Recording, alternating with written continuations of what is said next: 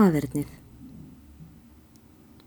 Þá er steingrimur hafði fyllt gestum sínum fram úr stofunni, kom hann innar aftur, vek tali sínu að langferðamönunum og mælti.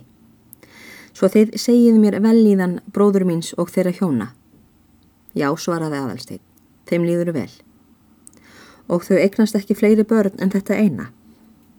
Nei, svaraði aðalstein og brá heldur við spurninguna, fyrir nú myndist hann þess að Benedikt var dáin og ymyndaði sér að steingrimur myndi að líkindum ekki hafa frétt það enn. Aðarsteinn hjælt því áfram og mælti. En þau eiga nú ekki lengur þetta eina á lífi. Sónur þeirra er dáin, eins og þér kunnið að hafa frétt. Dáin, mælti steingrimur og brá óþægilega við. Benedikt sónur þeirra dáin. Já, svaraði hinn. Hann dó senkt í vetur úr sjúkdómi sínum, úr flógaveikinni. Já. Steingrimur varð alvarlegur í bræði við þessa fregn.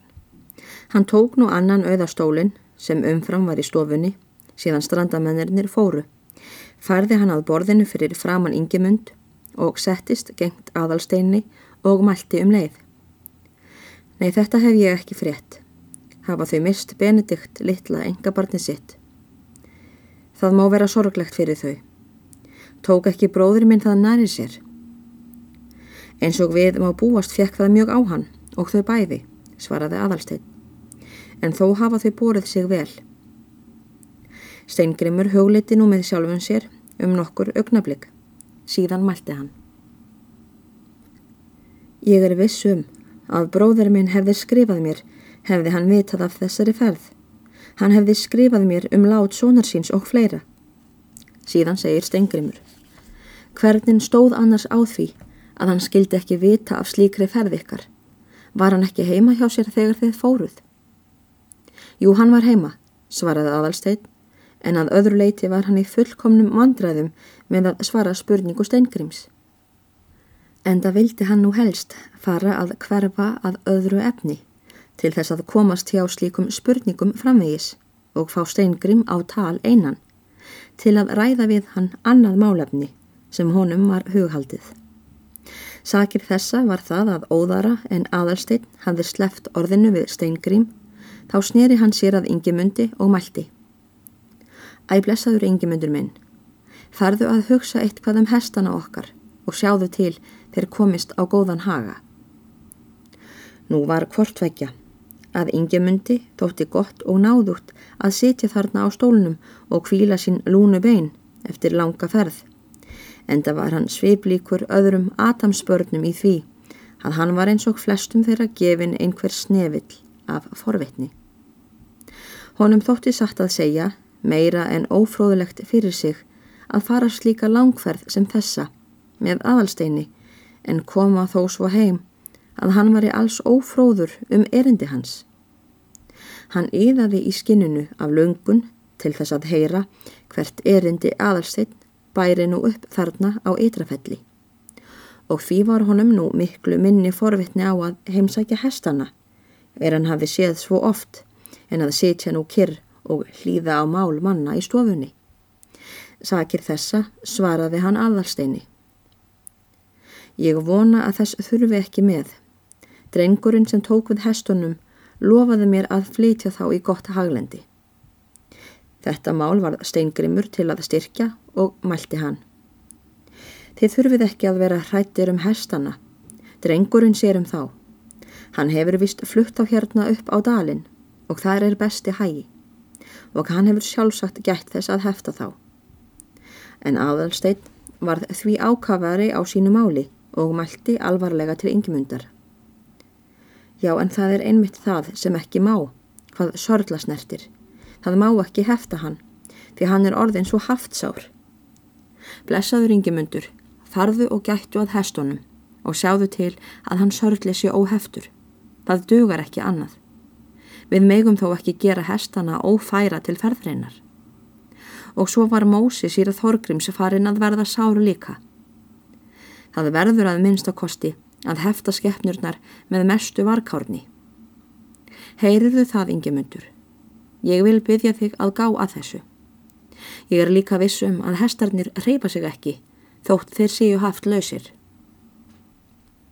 Þessi orð mælti aðalsteinn svo alvarlega að yngimundur sá sitt óvætna. Og nú bættist það á að steingrimur hljópur liði hans og styrti nú mál aðalsteins með því að segja til yngimundar. Það er annað mál ef svo er piltar. Það er betra að hafa gát á því. Mér þykir líklegast að drengurinn hafi heft öll hrossin. Steingrimur leit við yngimundi á meðan hann mælti þetta en nú fannst yngimundi sem honum væri nauðugur eitt kostur að fara út og líta til hestana. Hann stóð fyrir upp, tók hattin, gekk út og mælti. Ég held að það sé óþarfa hræðsla þetta. Síðan kvarf hann út úr dyrónum. Og nú voru þeir steingrimur og aðalsteinn, tveir einir inni.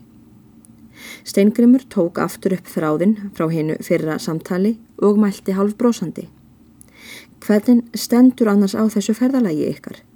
Mjög furðar að mest á að þér skilduð fara svo í slíka langferð að bróður minn vissi ekki af því að eftir því sem ég hjó eftir orði yðar áðan á hann þó einn hestin í ferðinni.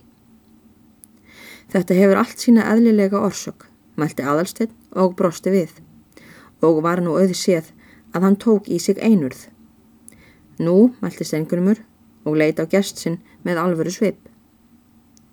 Orsökin var svo að ég var búin að fá orlof til annarar ferðar hjá síra Þorgrimi og hest hans til láns í þá ferð. Síðan varð ekkert af þeirri ferð en aftur kom þessi ferð snöglega fyrir. Nú, mælti Steingrimur og verður nokkuð kvumsa við. Ég ger ekki betur en að skilja. Þér verðið að útlista þetta betur fyrir mér. Henni ferðinni var heitið til Östfjörða og ætlaði ég þá að fara að finna skildfólk mitt. En uppgötfaði allt í einu að ég átti þar ekkert skildfólk og talaði nú aðalsteinn þessi orð alvarlega. Þér leggið fyrir mig tómar aðkátur, valdi steingrimur brósandi. Ég má segja yfir að ég skil ekki þetta í fljótu bragði. Þér helduð að þér ættuð skildfólk á östfjörðum en komist allt í einu að raun um að þetta skildfólk var ekki til. Það er fáhært dæmi. Já, fáhært er það, en þó var það svo. Ég held að ég fari nú samt loksins að skilja, mælti steingrimur. Ættingin eða ættingjarnir sem þér þóttust eiga á östfjörðum hafa verið búinir að flytja sig hingað vestur áður en þér vissuð af og því hafið þér orðið að breyta stefnunni. Svona mun því vera varið. Nei, ekki er því þannig varið, mælti aðalsteinn. Svo hafa þá ættingjarnir verið döðir. Þessir austfirsku ættingjar, mælti steingrimur halv brosandi. Það er ekki hægt að hugsa sér það öðruvísi. Ekki var því heldur svo farið, sagði aðalsteinn. En hitt er sannleikurinn að þeir höfðu aldrei verið til nema í ímyndun manna. Þér fyllið mig alltaf nýru undrun, mælti nú steingrimur. Hverra manna eru þér annars? Hvers són eru þér? Það er það sem enn er eftir að vita, svaraði hinn. Síðan bætti hann við. Það er hlutur sem þér kynnuð að geta frætt mig um betur en ég yður. Ég frætt yður um það, mælti Steingrimur brosandi. Alltaf komið þér með nýtt og nýtt. Nei, það get við ekki. Þetta tal hefur annars að líkendum leitt okkur of langt. Það sem mig furðar á enn sem fyrr. Það er að síra Þorgrimur skildi ekkert vita um þessa ferðiðar og þér þá heimilismadur hans og með einn hestin hans. Það að ég er með hestin hans kom til að því að hann var búin að ljá mér hann í langferð en hitt að ég sagði honum ekki af þessari ferð kom að því að ég vildi engum segja frá henni fyrir en ég vissi erindislók mín. Það er eflust mjög mikilvægt erindi, nærrim og geta fyrst þér takist svo langa ferð á hendur, sagði Stengrumur og hafði alvöru kefni aðalsteins einni gjört hann alvarlegan í bræði. Já, ansaði hinn, erendi mitt er mér harla mikilvægt. Það er mikið að þér svo ungur maður getið haft slikt erendi. Annars hæfir ekki fyrir mig að vera að grafast eftir þessu, sagði Stengrimur. Fyrst hjælt ég þér værið komin hingað í sveitina til okkar til að finna einhvert ættingja. Nú skils mér helst að það muni þó ekki vera? Jú, svaraði aðalsteitt fljótt. Ég er einmitt komin til að finna ættingja, eða réttar að sagt til að leita að nánum ættingja. Og hver getur það verið? spurði Steingrimur með undrun samfara forvitni. Aðalsteinn fann nú að það var komið að þýðingarfullu augnabliki. Hann var nú orðin fölur í andliti og augnaráðið var ekki svo fast sem áður. Hann sá og að Steingrimur starði á hann með undrun og vænti svars upp á spurningu sína. En jáfnfram þessu fann nú aðalsteinn glöglega að hann mátti eigi láta hugfallast nú þegar mest lág við. Hann herðir því upp hugan sem best hann má og segir við hinn ókenda mann sem hann átti orðastað við í stöðugum málrómi svo að varla var heyranlegt að rött hans skilfi. Viljið þér steingrimur kannast við að þér séuð fadir að mér. Þessi orð voru frambúrin að mikill alvörugefni og viðkvæmri tilfinning. En sá sem nú vissi ekki hverju svara skildi var steingrimur. Hann satt högdofa fyrir spurningunni Svo óvart kom hún honum að hann gat fyrst í stað engu svarað. Hvað segir þér maður? Ég faðir að yður, segir hann þá loksins. Því er fljót svarað og hlónu steingrimur kalda hlátur um leið. Ég faðir að yður, hvernig spyrjið þér mig að slíku? Viljið þér þá ekki gangast við faðirninu, segir aðalstein aftur með sömu hægð og alvörugjafni og áður.